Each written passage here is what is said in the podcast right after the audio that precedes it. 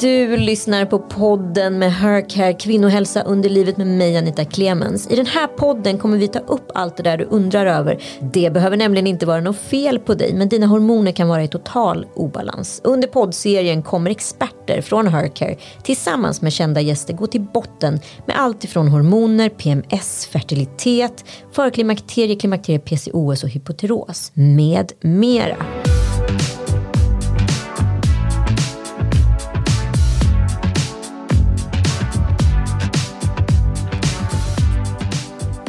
Ni nytillkomna lyssnare som precis har hittat till podden vill jag och eh, Hercare föreslå att ni lyssnar på avsnitt 1. Där kommer jag nämligen ha en sorts lektion tillsammans med Mia Lundin i biokemi och signalsubstanser. Det vill säga hur vi hänger ihop och varför kvinnokroppen agerar som de gör under de olika faserna i livet. Idag ska vi prata om vad som händer i kroppen när hormonerna inte längre hjälper. Det vet vår expert Mia Lundin och hon är ju även grundare till Hercare allt om. Men även våran gäst Mia Parnevik som säger att det till och med kan vara jobbigare än att föda barn. Och Mia har ju fyra stycken så hon borde veta. Vad säger du Mia Lundin, ska vi köra igång? Det gör vi.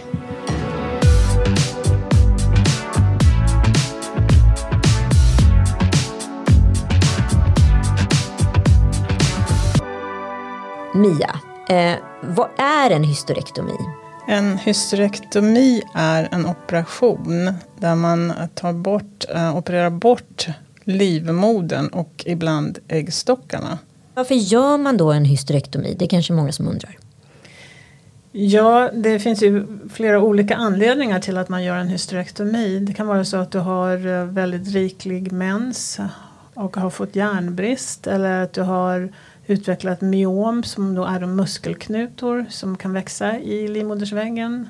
Eller att du kanske har syster på dina äggstockar. Vi vet att du pratar rätt mycket om östrogen i din föreläsning bland annat. Det är ju ett rätt stort ämne. Men östrogen påverkar det här har jag förstått. Eh, östrogen är ett väldigt stort ämne. Östrogen är ett eh, könshormon som påverkar oss på många olika sätt. Både hjärnan och äggstockarna och livmodern och många andra ställen i kroppen också. Och det är vårt, eh, ett kvinnligt könshormon som produceras av våra äggstockar. Men jag har ju läst lite om det här och man pratar om bioidentiskt östrogen. Eh, vad, vad har det för fördelar eller nackdelar kopplat till eh, hysterektomi? Ja, det har ju Bioidentiskt hormon är ett hormon som ser ut precis som det hormonet som dina äggstockar producerar. Och eh, kropp, när, vi, när vi tillsätter det eller ersätter det eh, efter en hysterektomi, alltså där man opererar bort äggstockarna då, så känner kroppen igen det här hormonet som om det vore ditt eget hormon som kom tillbaks. Alltså molekylen är precis likadan som uh, det hormon som dina äggstockar producerade. Men det är tillverkat av ett läkemedelsföretag. Men det är bara det att, att det är identiskt med ditt eget hormon. Men många är ju rädda för de här bioidentiska östrogenen. Finns det några risker med dem?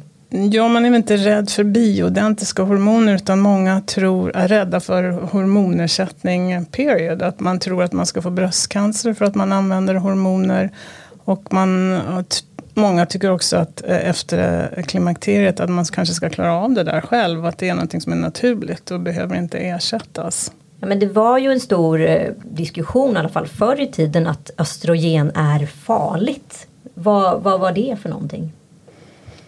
Ja, det var väl det att man trodde att östrogen ökade risken för bröstcancer. Men nu eh, ser vi att det kanske inte är så ändå. Våran gäst här i programmet är Mia Parnevik och du har ju faktiskt valt att inte ta hormoner. Kan du berätta om din resa? Oj, vad svårt. Det här blir ju känsligt på en gång känner jag. Ehm, nej, men det var ju att jag eh, har fått fyra barn och hade eh, olika verkar och eh, kände av, hade, på mina äggstockar hade jag myom och jag hade även syster. och haft, min mamma och pappa har båda haft cancer så att eh, min läkare valde att jag skulle göra en hysterektomi. Säger man så på svenska? Hysterektomi? Ja, ja, ja. Och eh, jag valde då att, eh, och de ville ta bort både äggstockarna då och livmodern. Eh, vilket blev en, eh, ja, en resa i sig. Jag var ganska ung. Jag var bara 42. Oj. Och, ehm, så det gick ju från en dag till en annan. Där jag eh, tog bort allt, vaknade upp med eh, genomsvettig. och eh, i stort sett kände inte igen mig själv. Men gick, hur, hur påverkades du hormonellt och psykiskt? Alltså psykiskt, jag blev ju en helt annan människa. Jag gick ju från noll till hundra på tre sekunder i stort sett i mitt humörsvängningarna. Och, eh, Och vad, vad kunde du få dig att reagera? jag, allt kunde få mig att reagera men faktiskt så var det, det kunde vara den minsta löjligaste sak. Men var det tårar eller var det ilska? Det var både tårar och ilska. Och min man, eh, jag säger fortfarande idag att jag är helt förundrad över att vi fortfarande är gifta. För det, kunde vara, det fanns ingen rim and reason. Det var från att jag, han sa, men du, vilken snygg röd tröja du har på dig idag. Jag bara, den är för fan inte röd. Och så bara exploderade jag. För för mig var den grön, men den var röd. Alltså det var på den nivån. Okej. Och där jag gick till att jag, alltså jag blev rabiat på noll sekunder. För ingenting. Och kände inte igen mig. Och då blir ju tårar. Sen kommer skuld. För att jag kände inte igen mig själv och vem man var. Och jag blev en helt annan, jag blev personlighetsförändrad helt enkelt. Men din läkare i USA rekommenderade dig att börja med bioidentiska östrogen. Ja, jag fick faktiskt två olika bud. Från en läkare som opererade mig och min andra gynekolog som också han rekommenderade mig att inte ta det. Och då kände jag nog, jag- jag hade ingen riktigt att, prata med. Han sa till mig att eh, det är precis som ett fingeravtryck. En eh, operation av den här sorten. En del reagerar väldigt mycket och en del reagerar inte alls lika mycket. Och eh, jag hade ingen riktigt, jag hade ingen väninna som hade gått igenom det. Eh, jag, hade ingen, jag pratade med min mamma som hade det. Och hon, hon kände, det var gradvis för henne. Det var inte så explos, explosionsartat som det var för mig. Men jag hade nästan ingen, jag fick väldigt olika information faktiskt. Så att, eh, ja. Ja, men, och vad vad, varför fattade du det beslutet? Ja, det var nog lite mer att jag kände, nej men det här vill jag klara av själv. Lite av den gamla skolan tror jag att, nej men gud, ta inte det här nu. Och sen råd, av, avrådde den ena läkaren mig det på grund av min mamma och pappa båda haft cancer. Men Mia Lundin, nu när Mia Parnevik berättar det här, vad tänker du om en sån här situation? Jo, det är ju så här att ehm, när man opererar bort då äggstockarna så är det nästan som en kastrering. Att från dag ett till två så har man inte de här hormonerna som då dina äggstockar brukade producera. Och i 40-årsåldern då är det vanligtvis då är det vanligt att man har ganska höga värden av östrogen och helt plötsligt uh, overnight så har man inga hormoner. Och östrogenet speciellt påverkar många olika delar i det centrala nervsystemet. Det ser till att um, du, du tillverkar signalsubstanser i, i rätt mängd, speciellt de här lugnande signalsubstanserna, serotonin. Uh, östrogen ökar också blodflödet i hjärnan. Östrogen hjälper till att bygga nya hjärnceller. Uh, östrogen påverkar ditt mående på många olika sätt. Så när man helt plötsligt då går från att ha höga nivåer av östrogen till nästa dag inga så blir det en väldigt chock, en väldigt, kan det bli en väldigt chock för kroppen. Och då det, tycker jag att, eh, eh, att det är väldigt viktigt att man får reda på det innan operationen. Att så här, det här är vad som kommer hända. Så här skulle du kunna må. Eh, det här har vi då att erbjuda om du börjar må så här. Eh. Det här eh, är fördelarna och riskerna Ehm, med de här olika hormonerna som vi kan erbjuda. Så att man går in i det här förberedd på vad som kan hända. Och det tycker jag är jätteviktigt. För att vanliga symptom då när man bara rycker undan östrogenet då, inte bara östrogenet också det andra hormonet progesteron som bildas efter ägglossning. Då kan man få allt från ja, typiska symptom från lågt östrogen det är att man blir jätteledsen och gråtmild och man kan inte fokusera, man får vad som kallas hjärndimma um, och har svårt att sova. Man vet inte hur man somnar helt plötsligt. Så att, eh, och progesteronet, när det inte finns där längre, då känner man sig lite mera galen. Jaha. ja. O, eller kan göra, inte alla som gör givetvis, men uh, orolig, uh, ångest, panikångest och eh, väldigt kort stubin. Åh, oh, vad skönt att du säger det.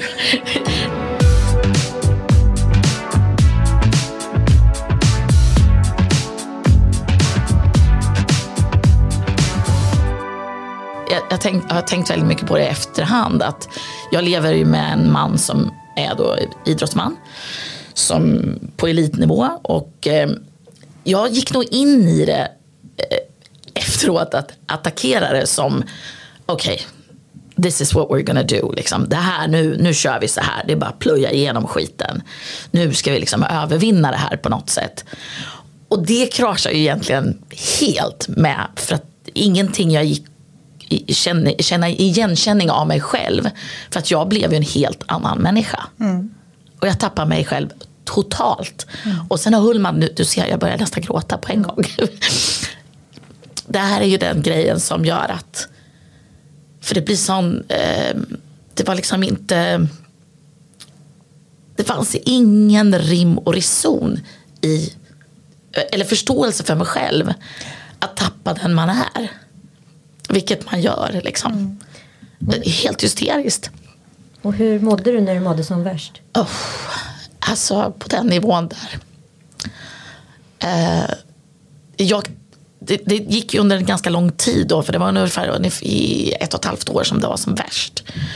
Och i det så, så skapar man ju då skam och skuld för att jag kunde inte förstå vem jag var.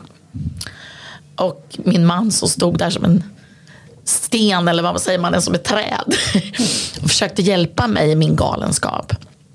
Men det går ju inte när man inte förstår. För han förstod ju inte vem jag var heller. Men jag, jag ville, det gick så långt så jag ville inte faktiskt leva. Nej. Och det var fruktansvärt.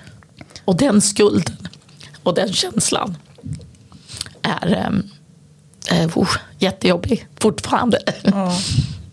Nej, men jag förstår det. Och när man, jag förstår hur du mådde. Jag mådde väldigt lika, eh, lik, på liknande sätt själv när jag gick igenom en förlossningsdepression.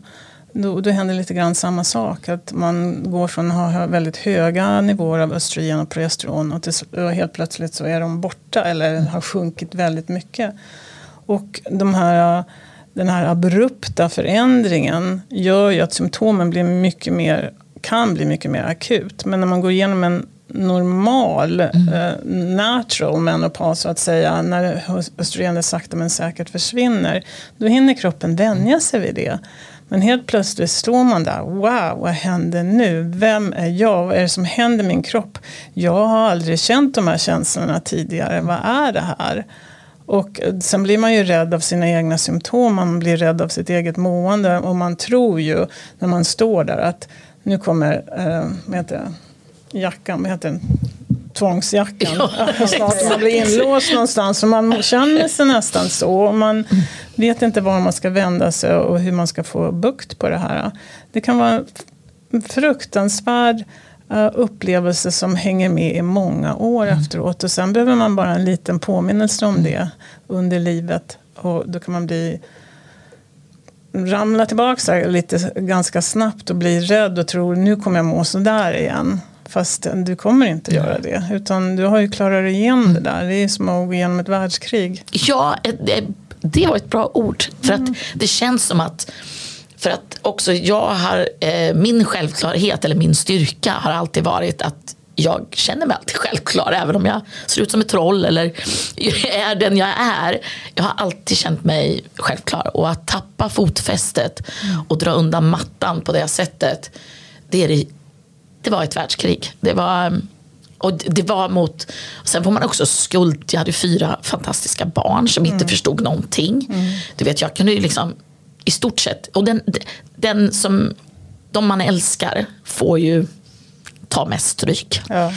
Min man fick ta mycket stryk. och barnen fick också ta lite stryk. Och sen får man ju den här skulden och ångesten som jag aldrig har haft innan. Jag lever med en man som har haft panikångest hela sitt liv för han ska tävla varje vecka. Eh, så att alla de här grejerna förstod jag i ett begrepp på som en idrottsnivå. Att hur attackerar vi här? Hur gör vi det här bättre? Så vi gjorde väldigt många bra saker, gick i terapi, försökte liksom lösa det tillsammans så gott och, och ge min man lite redskap för att hantera. Det här är mm. hennes hormonella resa och hur vi ska ta oss vidare. Det var bra, men det går inte att förklara. Nej. Men innan du gjorde operationen, mm. fick du någon form av information på liksom, att det kunde bli så här? Eh, eh, inte på det här sättet, för jag tror inte att kanske alla upp kör så, men, eller får så. Men eh, jag fick ju informationen av att du kan må dåligt. Du kan ta de här hormonerna om du vill. Eh, från en läkare då. Och eh, jag tror nog att det var min, min egen eh, eh vein, vad säger man på svenska? Ja, men, ja, men liksom vänlig att tänka nej, nej. Ja, jag fixar. det här fixar jag. Det här är bara löjligt. Liksom. Det här är inga problem. Det, jag har gjort värre saker. Eh, men, och så var det nog också den här känsligheten att nej men gud, jag klarar allt. Det här, jag, jag. Och så lite eh, skamsen tror jag. Mm. Att man känner sig. Skuld i det. Men, men gud, det här är väl ingenting. Har fått fyra barn utan bedövning. Boom. Det är väl mm. ingenting. Mm. Och så kom det här. Och jag har aldrig haft, och det tänkte jag fråga dig faktiskt Mia om. Är det vanligt att man har Eh, innan som du pratar om förlossning. Jag hade aldrig några förlossnings big blues eller mådde dåligt innan. Men jag tänker att går det ofta hand i hand med vilket östrogen och estrogen och vad ja, man har? Mm, det är en bra fråga. Man ser ju att de som har uh, haft uh, PMS mm. innan barnafödandet har en högre risk för förlossningsdepression.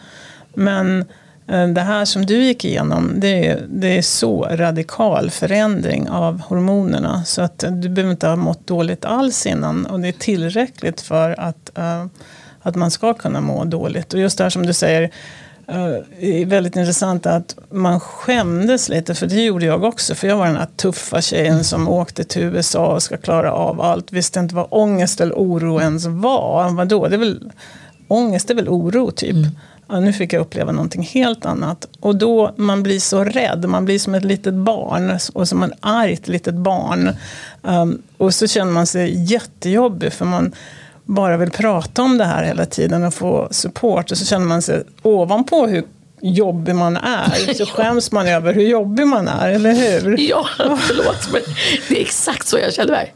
Ja, jag vet. Jag känner precis likadant. Och jag tycker det och varför det, pratar man inte mer om det här? Jag vet, jag vet. Ja, men det är samma med PMS. Om man är jättejobbig premenstruellt mm. och beter sig som man vet. Det, det, vi, vi visste ju också det, att så här ska man inte bete sig. Men det bara kommer ut mm. ändå. Man har, har ingen kontroll. Så de som har PMS mår ju dåligt av PMS innan mensen. Sen mår de dåligt efter mensen för de betedde sig på ett sätt som man inte är jättestolt över.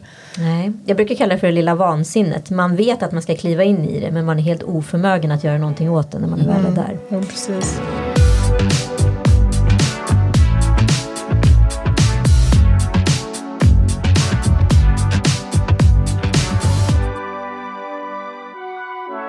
Vad jag inte förstod var ju att, eh, det, det, kunde, att det tog så lång tid.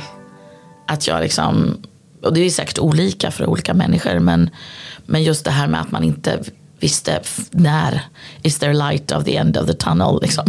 Mm. Um, när ska jag ta mig ur det här? För ju mer jag stressar på det ju mer jag försökte att tvinga mig själv att nu ska jag må bättre och nu gå ut och träna.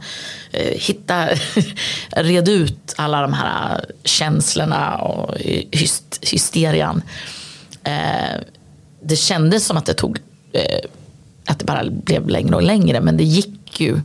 faktiskt gradvis neråt. Men det tog lång tid och jag vet inte om det är vanligt.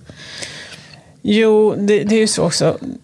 Det blir lite grann som moment 22. Mm. För att du blir, mår dåligt och sen så mår du ännu sämre för att du späder på det där för att du blir så rädd.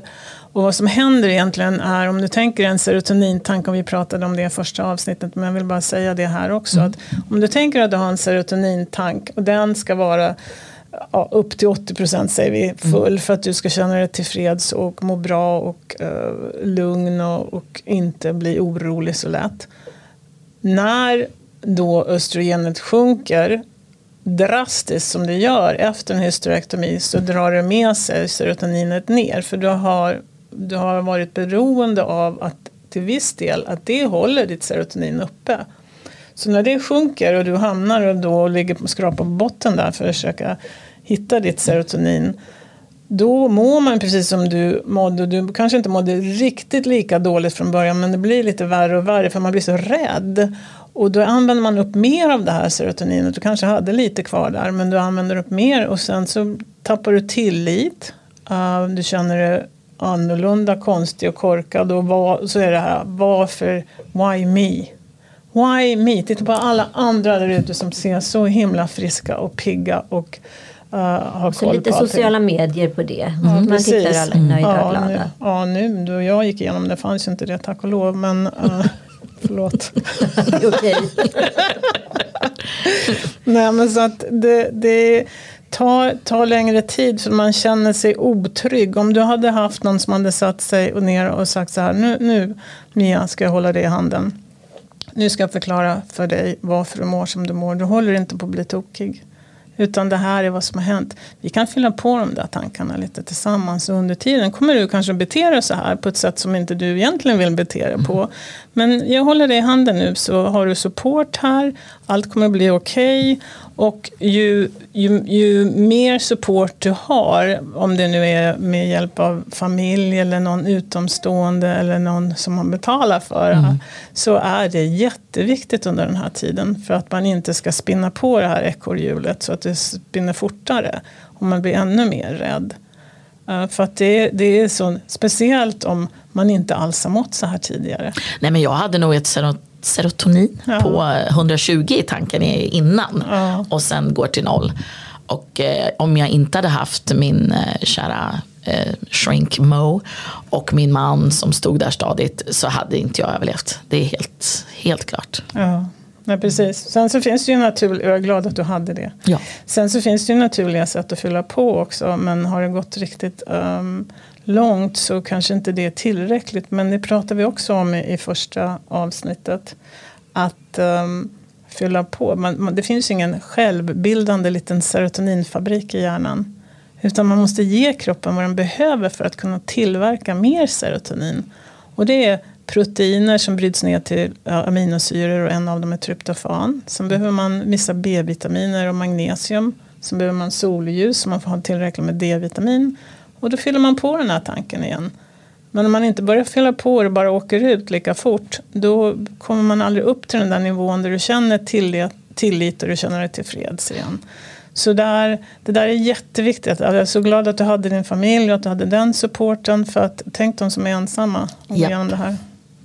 Men nu är det ju på andra sidan av det här Mia. Jag vet inte hur lång period skulle du beskriva att det har varit? Nej, men jag skulle nog beskriva att det, det mest akuta var nog nästan två år. Eh, sen höll det på lite längre. Och det var nog också för att jag eh, ville skynda på. Men sen när jag hade redskapen att jag kunde liksom pff, hjälpa mig och även ta, tog eh, både magnesium och D-vitamin och allt möjligt så, så, så började jag ju lättsamt trappa av och även mina eh, otroliga, jag kunde lägga mig i sängen och hela ja, teckenkuddar, allting var ju kunde bara vrida ut det i stort sett. Så att, eh, genomblöt? Ja, totalt genomblöt och eh, sen gradvis försvann ju det och, men det tog över två år. Mm. Över två år, lätt. Men nu då när du är på andra sidan Mia Lundin, hur, hur gör man nu då för att bibehålla eller upprätthålla snarare? Ja. För det finns ju på andra sidan klimakteriet också. Ja, precis. Nu har det då, vad jag förstått, gått tio år mm. sedan du gick igenom uh, det här. Och då förskrivs, förskriv inte gärna hormoner för att då uh, ser man inte den här förebyggande effekten längre av östrogen utan riskerna kan öka lite mer istället. Så att vi säger att då har man vi, vi brukar säga att man missat hormonbussen så att säga. okay. Men det betyder inte att du ska lida resten av livet Nej. utan det finns så mycket annat du kan göra för att förebygga hjärt och kärlsjukdom, benskörhet uh, och um, att du balanserar dina signalsubstanser på ett mer naturligt sätt med just de metoderna som vi pratade om i vårt första avsnitt som du gärna får lyssna på. Jag pratar gärna med dig mer om ja, det också. Gärna. Ja, för att det finns sätt att eh, hitta balansen och också förebygga sjukdom på andra sätt än med hormoner. Mm.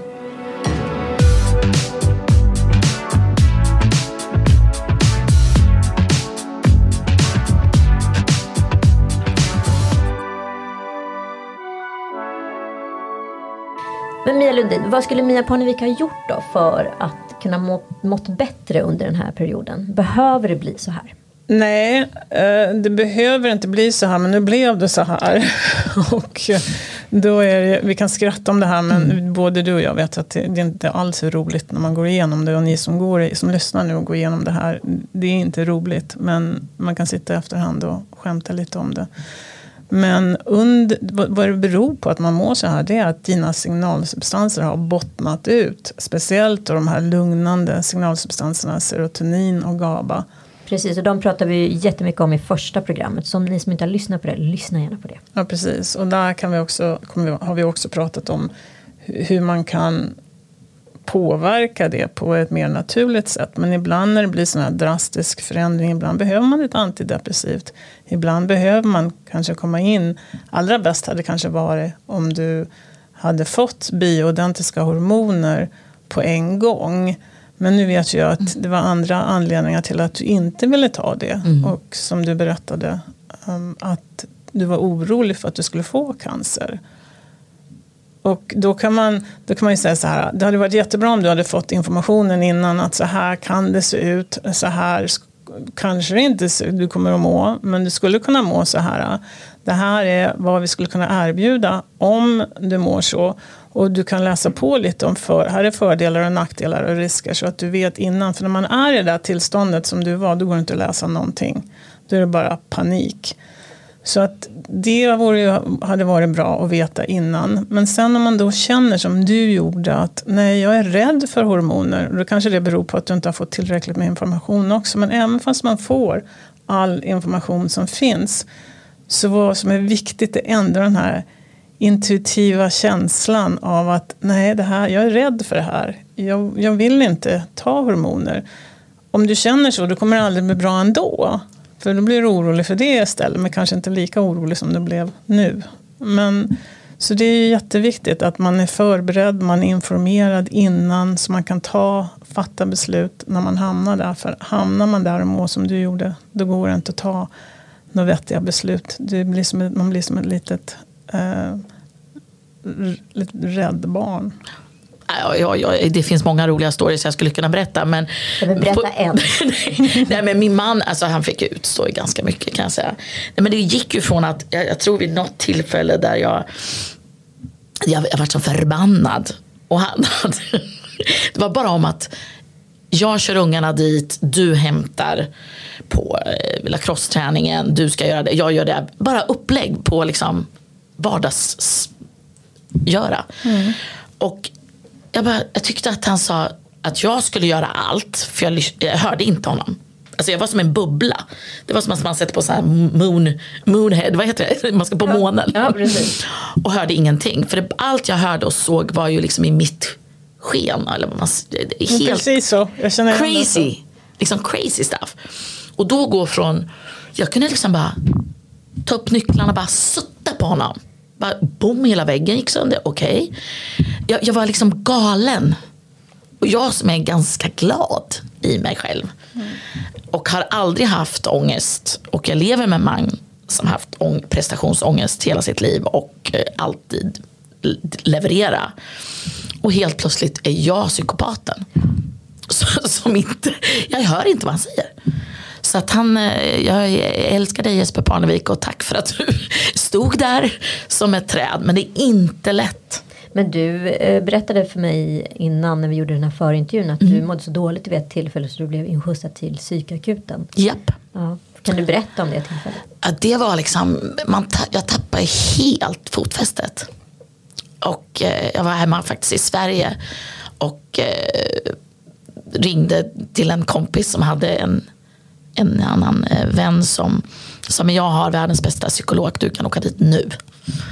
Och då körde hon mig dit och eh, då fick jag eh, antidepressiva som jag tog under en, en liten längre jag kände mig ganska avtrubbad. Mm. Det blev inte bättre de månaderna jag tog det. Så jag försökte ta bort dem. Då. Men jag tror i, i sådana perioder man måste ha hjälp med allt man kan få. Mm. Jag håller med. Och det är intressant det här med att du kände dig som du gick runt i en bubbla. Precis mm. så kände jag också. Det är precis som man hade. Man var i en bubbla. Man var inte med. Jag var i min egen lilla värld och de utanför bubblan var i sin värld. Och, och det, jag fick också antidepressivt till slut. För att då, det här är ju innan jag visste vad jag vet idag. Mm.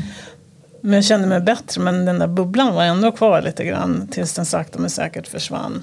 Och det är väldigt intressant att höra hur du beskriver det. Att det är lustigt att... Um, att det är samma? Ja, precis. Och det, orsaken är ju densamma mm. som hände för, för oss båda men mm. på olika sätt. Mm. Så därför är det viktigt att de som lyssnar också känner igen det här. Att det här är vanligt att man mår så. För man, man vill ju inte riktigt erkänna till uh, så många att så här tokigt mår jag.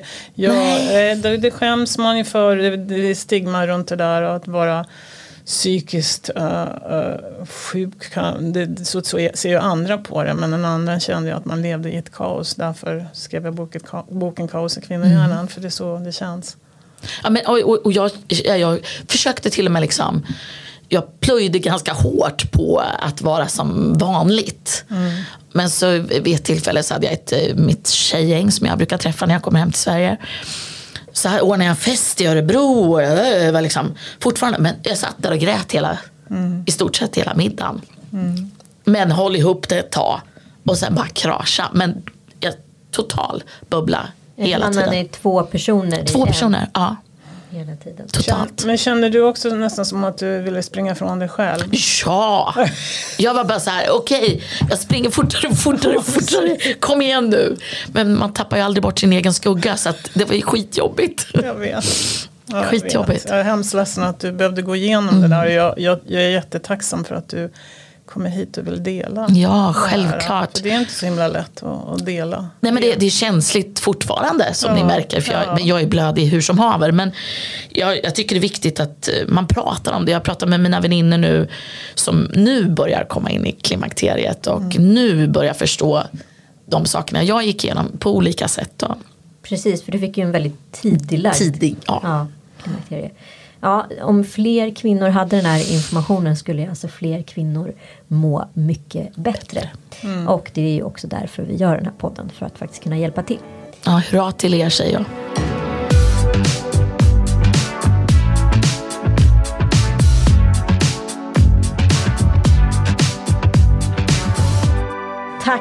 snälla Mia Parnevik för att du har varit här. Vi har fått lite lyssnarbrev, du får gärna stanna kvar. Mm. Eh, så kanske någonting som du kan fylla i här också. Mm.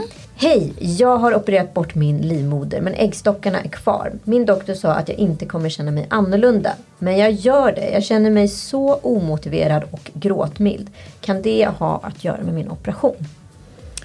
Ja, ibland så blir det faktiskt så. Även fast eh, man har då fått, eh, fått, fått höra att eh, det, vi tar inte bort äggstockarna. Det är de som producerar dina hormoner så du kommer inte må annorlunda.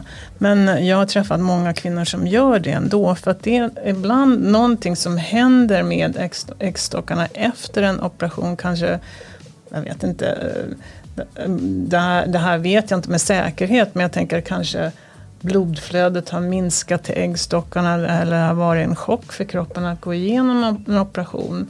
Det borde inte förändrats men min erfarenhet är att jag har sett många som mår dåligt och när man sen då gör, tar blodprov och kollar hormonvärdena så har östrogenet sjunkit efter en hysterektomi där äggstockarna är bevarade.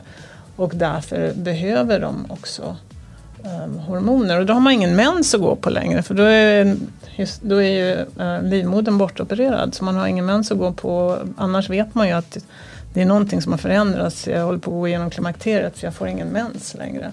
Men just de här kvinnorna har inte det att gå på. Så det kan vara viktigt att veta för de som har gått igenom den här typen av operation att ibland så påverkas den hormonella produktionen från äggstockarna ändå.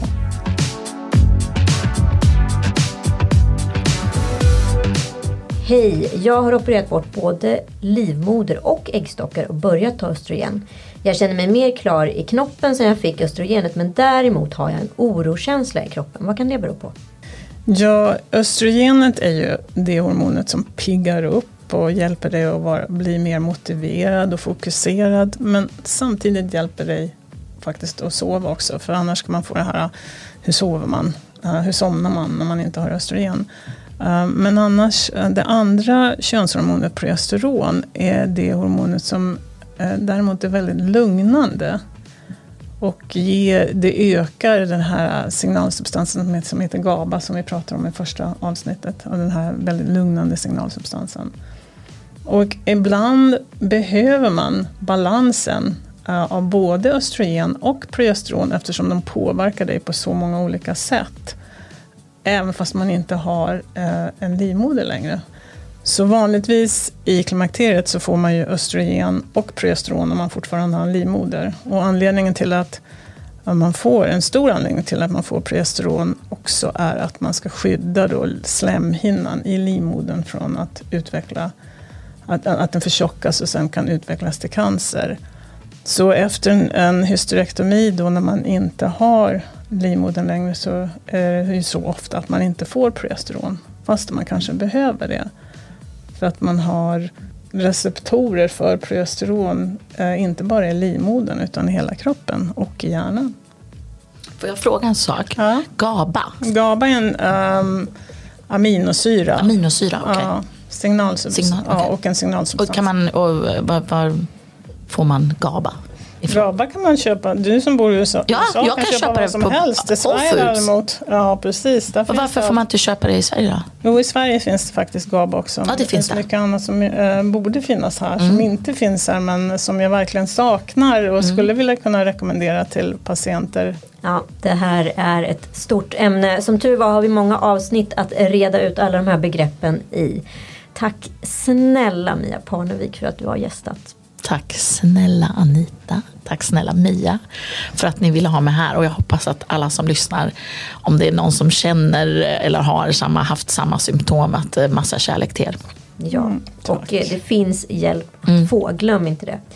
Eh, och vill man veta mer eller exempelvis boka tid hos Hercare då kan man besöka deras hemsida på hercare.se.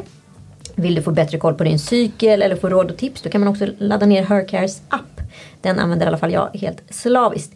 Och jag kan garantera att den är helt grym. Tack för att ni har lyssnat. Vi hörs om en vecka igen.